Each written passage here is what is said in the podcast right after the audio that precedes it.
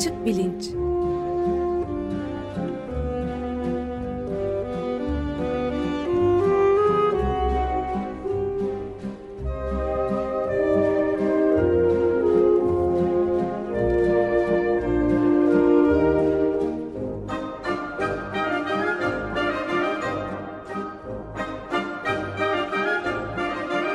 Güven Güzeldere ile bilim ve felsefe sohbetleri.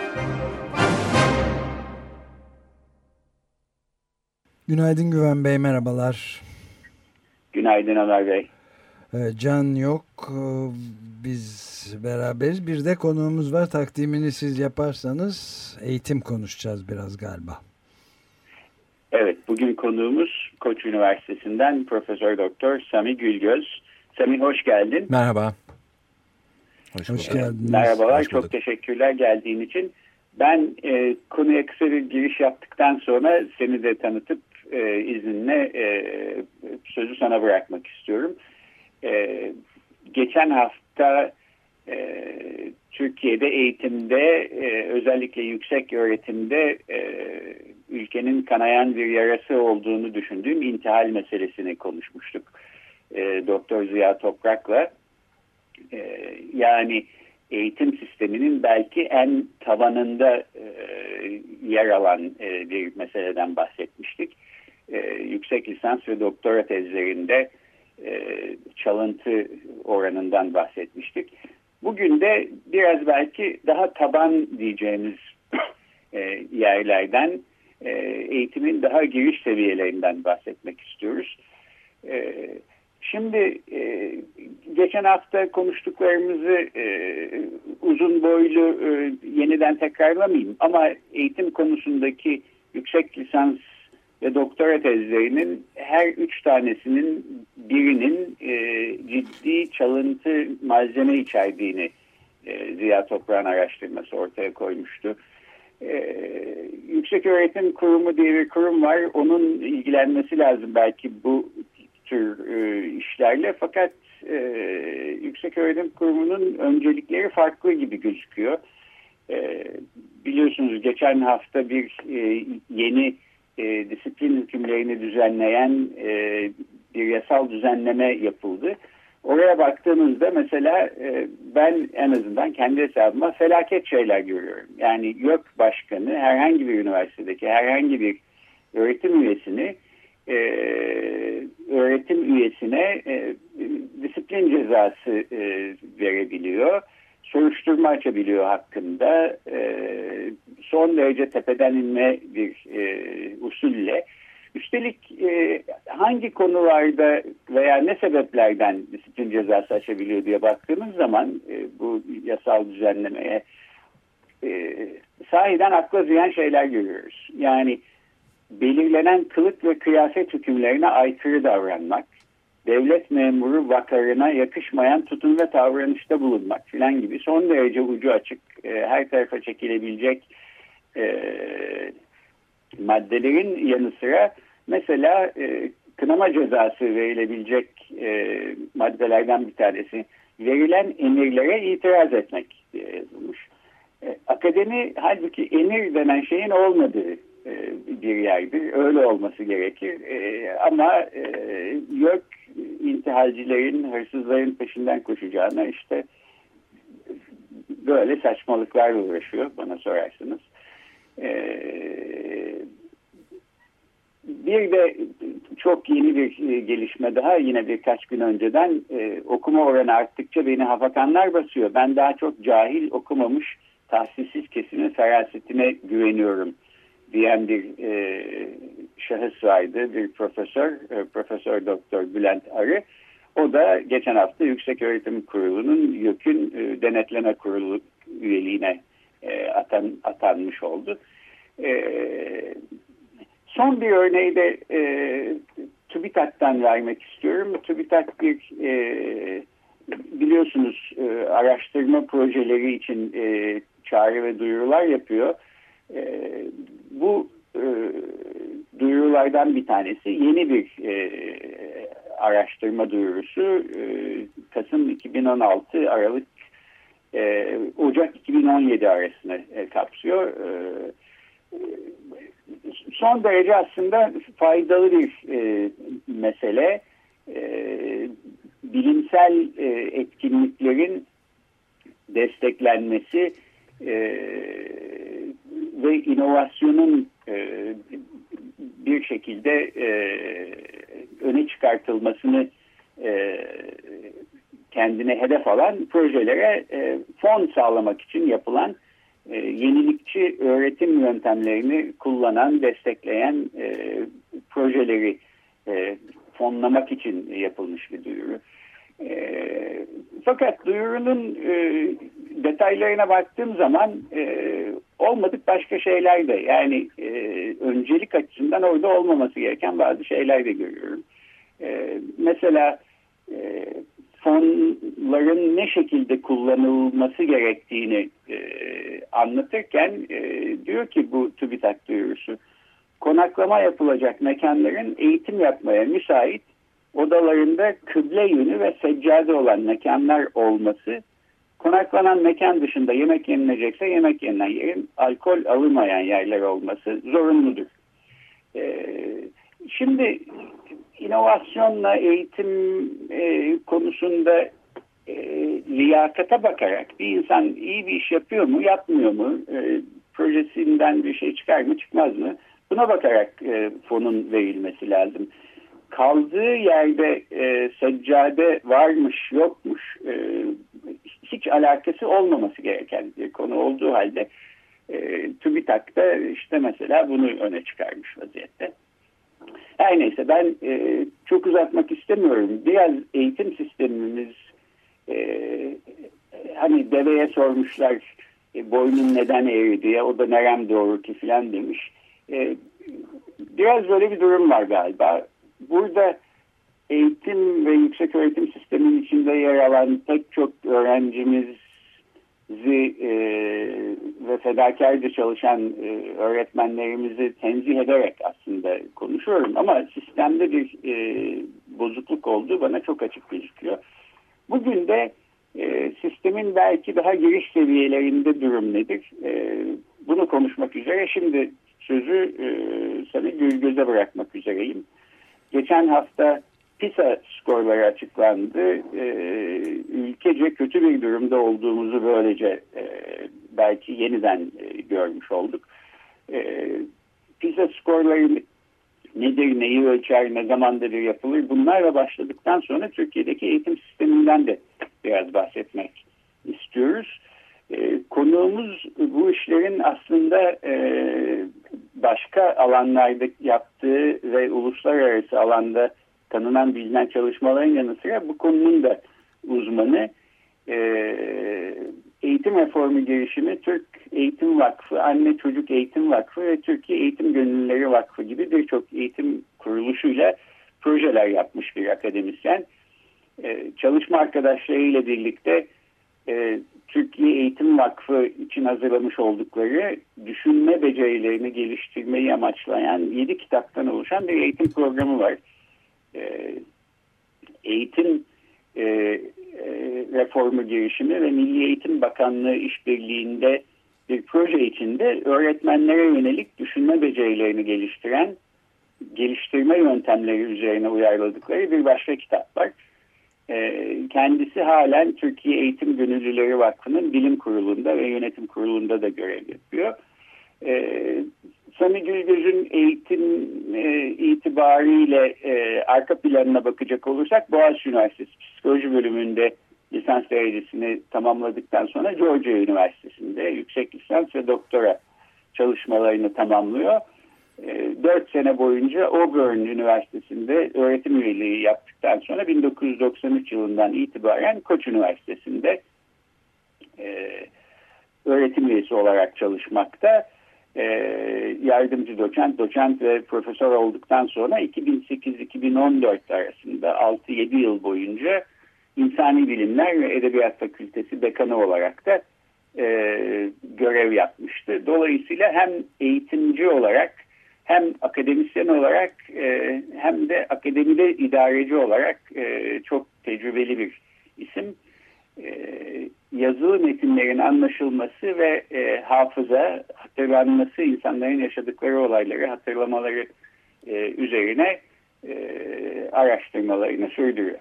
Sen yeniden hoş geldin. E, bu pizza skorları işine bakmak e, için ben şimdi bu uzun girişten sonra sözü sana hemen bırakıyorum. Hoş bulduk, çok teşekkürler. Ee, şimdi bu pizza e, meselesinin ne olduğu üzerine bir kısaca e, bilgi vereyim. E, bu OECD tarafından e, dünyanın OECD'ye bağlı e, ilintili ülkelerinde 73 ülkede yapılmakta olan, e, 3 yılda bir tekrarlanmakta olan ve 3 bölümden oluşan e, bir test olarak bakılmalı. Bu testin e, matematik, okuduğunu anlama ve fen e, bölümleri var. E, bunun dışında da bir takım e, tutum ölçekleri gibi bir takım şeyleri de ölçüyor ki bunlarla ilintisine bakıyor. Bunlardan pek söz edilmiyor ama e, bu tür e, bir takım e, ölçümleri de söz konusu. Bu e, PISA'nın bildiğimiz matematik ya da işte okuduğunu anlama ya da Fermi'den farklı olan yanı e, buradaki soruların belirli bir e, bilgi birikimini gerektirmesinin ötesinde daha da önemli olan e, öğrencinin e, bu alanlarda muhakeme edebilmesi, düşünebilmesi, verilen bilgiyi kullanabilmesi, yargılayabilmesi türünde e, daha düşünme temelli sorulara yer vermesidir. Yani kalkıp da bir formülün ezberlenmesiyle değil de daha çok e, belirli ilişkilerin bilinmesiyle cevaplanabilecek sorular var. 73 ee, ülke arasında Türkiye matematik ve okumada 51. E, fende de 55. E, olarak oldukça düşük bir sıraya yerleşti. E, bu bizi şaşırtmadı çünkü bu e, geçmiş senelerden çok farklı değil. Yani pisadaki performansımız ya da benzeri e, TIMS gibi e, sınavlardaki performanslarımız çok farklı değil. Ee, tabii bu e, her seferinde 3 yılda bir ortaya çıktığında tekrar tekrar birileri bunu şaşırıyormuş gibi yapıyor. Ee, bu şaşırıyormuş gibi yapıyor. Bir süre bu alevleniyor, konuşuluyor. İşte Milli Eğitim Bakanlığı'ndan bunu açıklayıcı bir takım e, açıklamalar geliyor vesaire. İşte pizza neyi ölçüyor, doğru mu ölçüyor, yanlış mı ölçüyor vesaire gibi bir e, mesele ortaya çıkıyor ve sonunda bir süre sonra tekrar unutuluyor. Ee, burada yani e, benim dikkatimi çeken birkaç şeyden bahsetmek isti istiyorum açıkçası. Bu PISA e, yeni bir şey değil. Biz yılların yılı. E, örneğin ben 1997-98 yılından beri e, işte Türkiye'den yurt dışına e, değişim programıyla gidecek olan lise 2 öğrencilerinin e, giriş sınavlarını yapıyorum ve buradaki 97-98'den bu yana olan müthiş bir performans düşüşünü e, bizzat görebiliyorum. Bu, bunun gibi e, bir yığın gösterge var ve e, işin ilginç olan kısmı mesela yine PISA'nın e, yapmış olduğu anketlerden birinde e, görüldüğü gibi e, mesela e, biz matematik okuma ve fende e, PISA orta, e, pardon OECD ortalamasının çok altındayken ee, şeye bakıldığında mesela öğrencilerin sınıfta kalıp da sınıf tekrar etme oranına bakıldığında tam da OECD ortalamasındayız. Yüzde on bir gibi düşük bir sayı. Yani sonuçta e, burada biz öğrencimizi e, sınıf geçiriyoruz ama geçirdiğimizde öğrencinin e, belirli yetkinlikleri edinmemiş bir şekilde geçirdiğini görüyoruz. Burada e, bana çarpıcı gelen bulgulardan bir tanesi bu. Şimdi e, Dolayısıyla kalkıp da hani e, bu işin sadece öğrenci yönüne ya da eğitim yönüne bakmak, hani eğitimin içeriğine bakmanın ötesinde biz bu çocukları neyle geçiriyoruz, hangi kıstaslarla geçiriyoruz diye bir soru sormamız gerekiyor. Burada sanıyorum en büyük meselelerimizden bir tanesi ki bunların bu söylediklerimin hiçbirinin yeni olduğunu düşünmüyorum. Hiçbir bana ait özgün düşünceler de değil. Bunlar e, defalarca söylendi, e, birçok kişi tarafından söylendi. Buradaki önemli şeylerden bir tanesi eğitimde önceliklerin ne olduğu. Yani siz eğitime belirli öncelikler yükleyebilirsiniz. Bu öncelikleri de gerçekleştirmeye çalışırsınız. Ama e, şimdi ben Milli Eğitim Bakanlığı'nın koyduğu bir takım öncelikleri ya da müfredata bakıldığında orada yapılması hedeflenen şey... E, hedeflenen e, amaçlara bakıldığında çok da yanlış şeyler olmayabileceğini bazen görüyorum. Ama iş uygulamaya döndüğünde çok daha farklı bir şey olabiliyor. Bunun değişik yönleri var. Bir tanesi haliyle e, öğrencilere koyduğumuz aşamalar. Yani Türkiye'de öğrencilerin önüne biz iki tane büyük aşama koyuyoruz. Bunlardan bir tanesi TEOG, e, şimdilerde TEOG deniyor birkaç yıl önce adı farklıydı ama sonuç olarak orta 8. E, sınıftan sonra girilen bir sınav var. E, ikincisi de üniversite giriş sınavı. Bu iki merhale, bu iki aşama öğrencilerin neye hazırlandığını çok da belirliyor. belirliyor. Ve sonuç olarak siz eğitiminizin içine ne koyarsanız koyun, öğrencinin öğreneceği o sınava hazırlık olacaktır. Dolayısıyla burada gördüğümüz e, durum nedir? İşte öğrenciler dershanelere giderek e, hem liselere giriş sınavına hazırlanıyorlar hem de üniversitelere giriş sınavına hazırlanıyorlar. Çoktan seçmeli testlerde başarılı olmayı öğreniyorlar. Yani dolayısıyla e, ilkokul, ortaokul öğretiminin o 8 yılın ondan sonra 4, lisedeki 4 yılın içeriğinin ne olacağını e, nasıl belirlerseniz belirleyin. Eğer e, aşılması gereken e, engel olarak koyduğunuz şey çoktan seçmeli sınavlarsa öğrenciler kendilerini buna göre hazırlayacaktır. Bunun kaçarı yok. Dolayısıyla burada Bizim temel meselelerimizden bir tanesi bu sınav sistemiyle yani liselere giriş ve üniversitelere giriş sınav sistemiyle ilgili bir e, sıkıntı yaşadığımızdır. Bunun önüne geçmemiz gerekiyor. Şimdi e, Dolayısıyla bir yandan hani eğitimde öncelikleri belirlememiz gerekiyor. Bir yandan da sınav sistemlerimizi ya da e, ders e, sınıf geçmeyi, e, belirli bir okuldan mezun olmayı bunlara bağlı hale getirmemiz lazım. Üniversiteye girebilmeyi ya da bir liseye girebilmeyi yine buradaki başarıya yani e, eğitimin içine koyduğumuz önceliklerde öğrenci ne derece başarılıysa ona göre bir sonraki merhaleye geçebilir hale getirmemiz gerekiyor. Yoksa bütün yapacağımız şey anlamsız hale gelecektir. Peki ben Peki bu ben noktada sorabilir miyim? buyurun buyurun. Aynı anda girdik. ya da sizin arkanızdan ikinci olarak sorayım. Buyurun siz, siz buyurun ben Ömer Bey. Küçük bir e, teknik şey sormak istiyorum. Yani burada şimdi PISA sisteminin PISA e, sisteminin asıl şeyinin muhakeme yeteneği ve rasyonel düşünme olduğunu düşünebiliriz. Peki bu mevcut sistemlerde sınav sistemlerinde test uygulamasının e, şeyi muhakeme etmeyi ve rasyonel düşünmeyi teşvik ed eder ya da aksi yönde bir etkisi var mıdır diye test sisteminin bununla bir etkisi var mı diye bir soru geliyor aklıma. Yani e, çok güzel bir soru. Burada e, ister istemez şöyle bir cevap e, tepkisi doğuyor içimden. Hemen böyle bir e, çoktan seçmelinin doğası itibariyle bunu bir muhakemeye dayandırmak çok kolay bir e, hadise değil. Yani çoktan seçmelinde siz karşıdaki yani öğrenciye bir sorunun cevabı olarak ya ben bunu böyle düşündüm bu da doğru olabilir deme hakkını vermediğiniz sürece e, burada hiçbir şekilde e, o sorgulayıcı düşünmeye ya da muhakeme sistemine açık bir alan bırakmıyorsunuz. Çünkü mutlaka bir doğru vardır ve dört tane de yanlış vardır türünde bir mantığın, mantıkla yola çıkıyorsunuz. Ama hayat öyle değil. Yani hayat gerçekten tek doğrunun olduğu ya da e, öyle bir durumla e, yaşanan bir durum değil. Yani sonuç olarak işte e, ışığın hem dalga hem de partikül olabileceği üzerine bir fizikle yaşıyorsak öğrencinin bununla yaşayabilmesi gerekiyor ve bunun muhakemesini yapabilmesi gerekiyor. Çoktan seçmeli sınav buna el veren bir sistem değildir öğrencinin kendini ifade edebilmesi, bir ya, e, muhakemeyi yazabilmesi gerekiyor. E, ve PISA'da da buna daha fazla e, yani, müsaade çok, eden bir sistem. Çok mersi. Ben aldım cevabımızı. Buyurun Göğün. Tamam. Benim de aslında soracağım soru tam buydu ee, Ömer Bey. E, aynı şeyi düşünmüşüz. Fakat ben e, belki bir adım daha e, kurcalamaya çalışayım.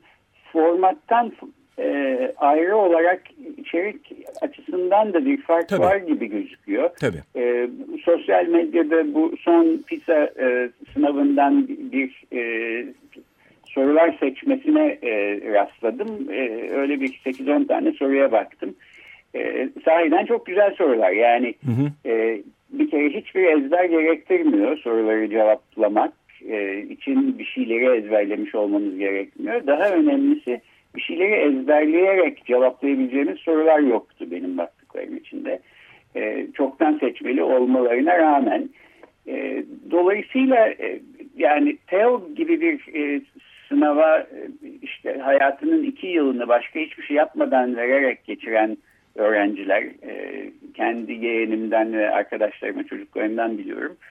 PISA e, sonuçlarında daha yüksek düzeyde skorlar alamıyorlarsa herhalde içerik açısından e, teori çalışmanın PISA'ya çok faydası olmadığı düşüncesi bende doğuyor. Bir bunu soracaktım e, Sami. Bir de e, istatistiklere bakarken şöyle bir şey gördüm. E, fen, matematik ya da okumadan yani bu üç alandan en az birinde e, ileri düzeyde performans gösteren öğrenci oranına bakıyordum. E, OECD ülkelerinde bu %15'in üstündeyken Türkiye'de bu sene açıklanan skorlarda 1.6 çıkmış. Hı hı. E, belki e, ekonomiye katkı sağlayacak yeni fikirler getirecek işte TÜBİTAK inovasyon falan diyor. Bu tür şeylerin öncülüğünü yapacak öğrenciler olabilir diye gördüğüm, olabilecek diye gördüğümüz küçük grup da aslında çok çok küçük gibi gözüküyor. Bunu da şaşırtıcı buldum çünkü işte teoga çalışırken filan bir şekilde bu PISA'ya da faydası olan işler yapmış olan en yüksek düzeyde öğrencilerimizin biraz daha büyük bir sayı oluşturmalarını beklerdim. Nasıl anlamalıyız bu, bu konuları? Yani e, söylediğin doğru ama e, şöyle bir yorumda bulunacağım açıkçası. Önce e, hani bu ezbere dayalı eğitim vesaire gibi bir söylemimiz var. Ama e, hani tamam ezbere diyelim ki ezbere dayalı bir eğitim var. Fakat benim burada soracağım soru ya biz bunu iyi yapıyor muyuz? Şimdi baktığın zaman tamam her şeyi bir yana bırakalım. PISA gibi e, işte akıl yürütme, muhakeme, e, işte inovatif düşünebilme gibi, yaratıcı düşünebilme gibi e, boyutları ölçebilen bir testi kenara bırakalım. Bizim standart üniversite giriş sınavımıza, sınavımıza bakalım. Yani üniversite giriş sınavımızda matematik te Türkiye ortalaması nedir diye baktığınızda 50 soru sorulmuş mesela bu yıl 2016'da.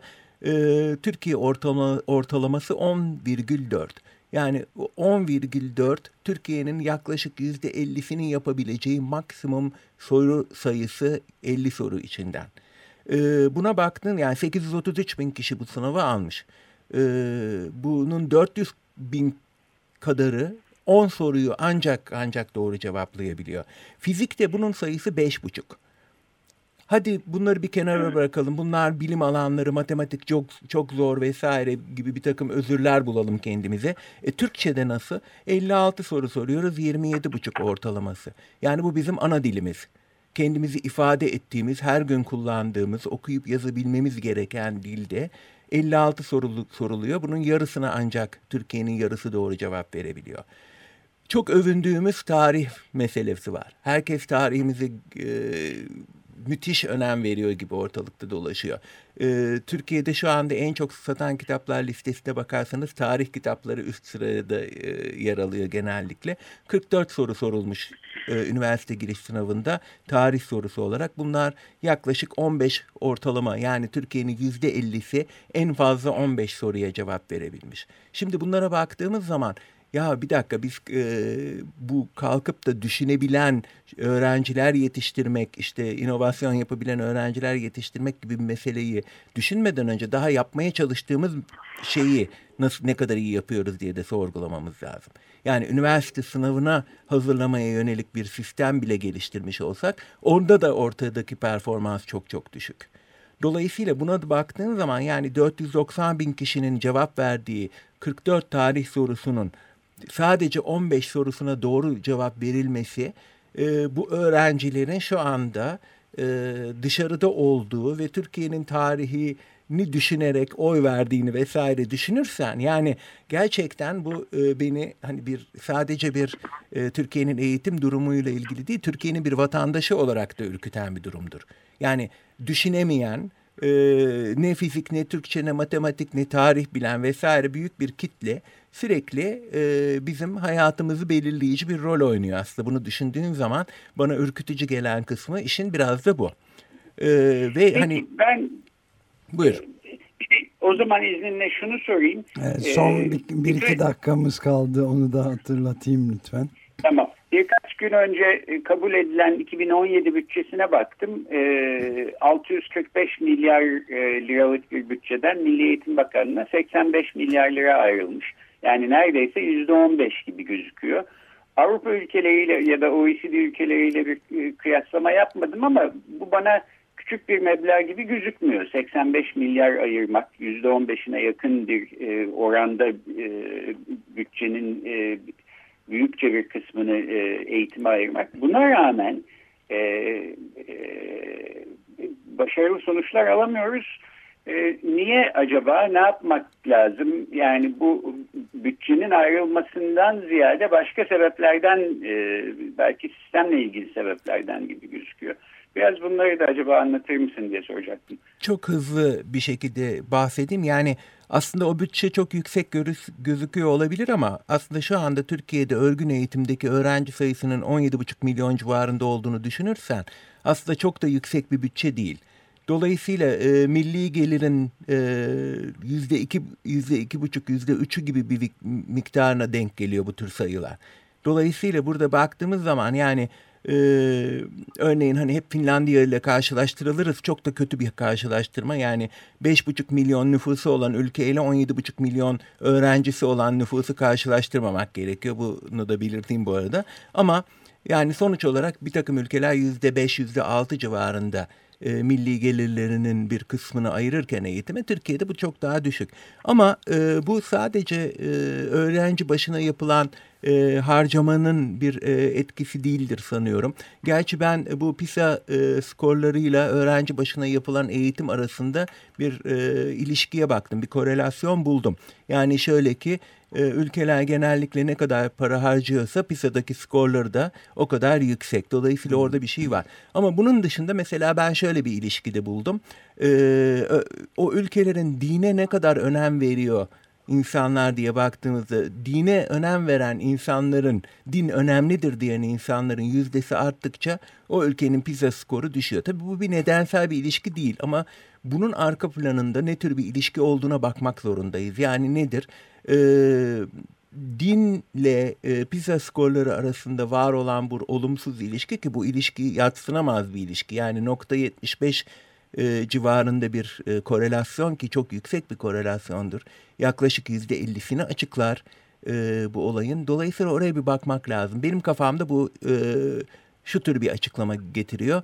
E, gerçekten sorgulayıcı düşünmeyle dogmatik düşünmenin bir e, değiş tokuşu var burada.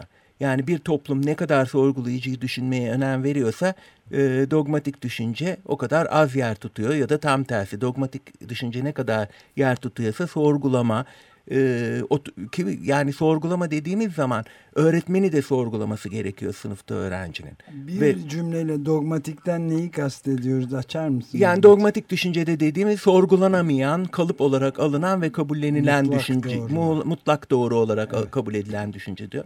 Dolayısıyla yani e, sorgulamak, düşünmek aslında iki türlü bir, iki ucu olan bir, yani iki yönü olan bir meseledir. Bir tanesi bir beceridir. Yani insanlar düşünmeyi becerebilir veya beceremez ya da değişik düzeylerde becerebilir.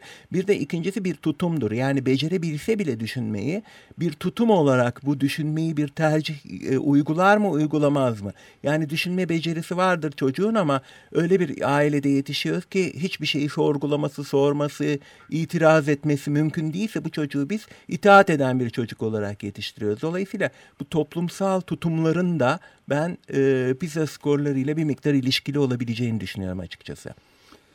Evet, hayli düşündürücü şeyler yani üzerinde epey daha tartışma ve konuşma gerektiren bir konu olduğu aşikar fakat galiba süreyi bitirdik.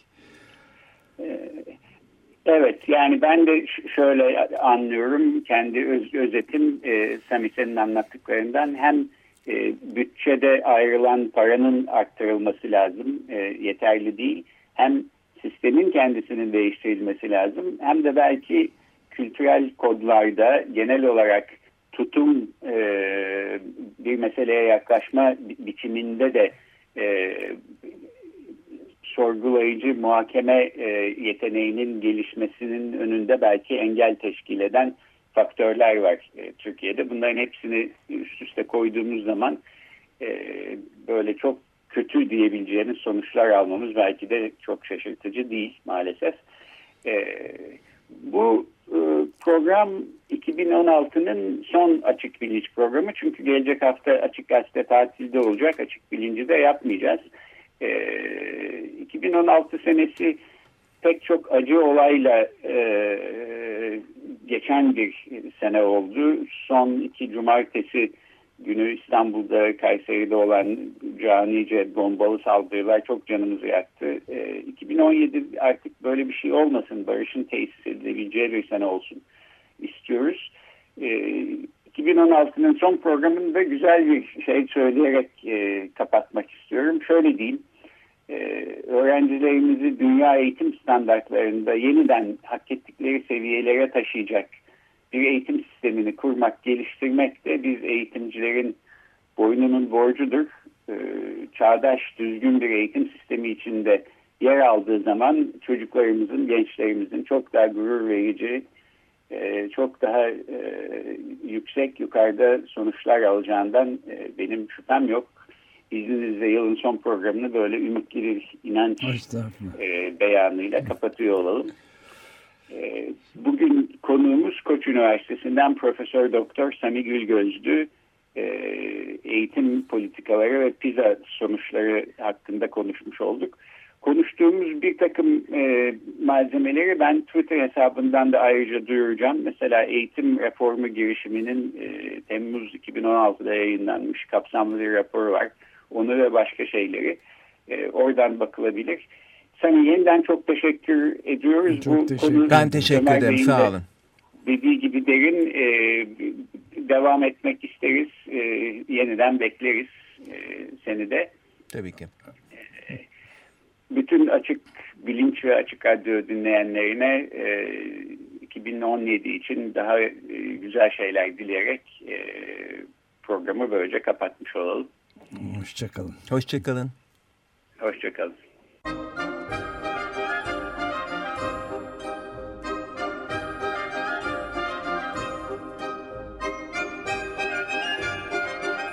Açık Bilinç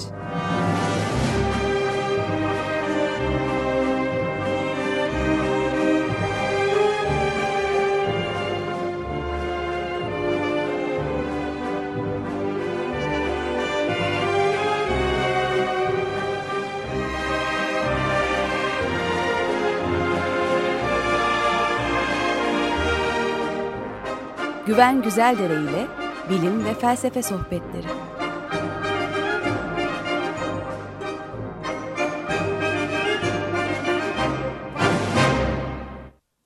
Açık Radyo program destekçisi olun.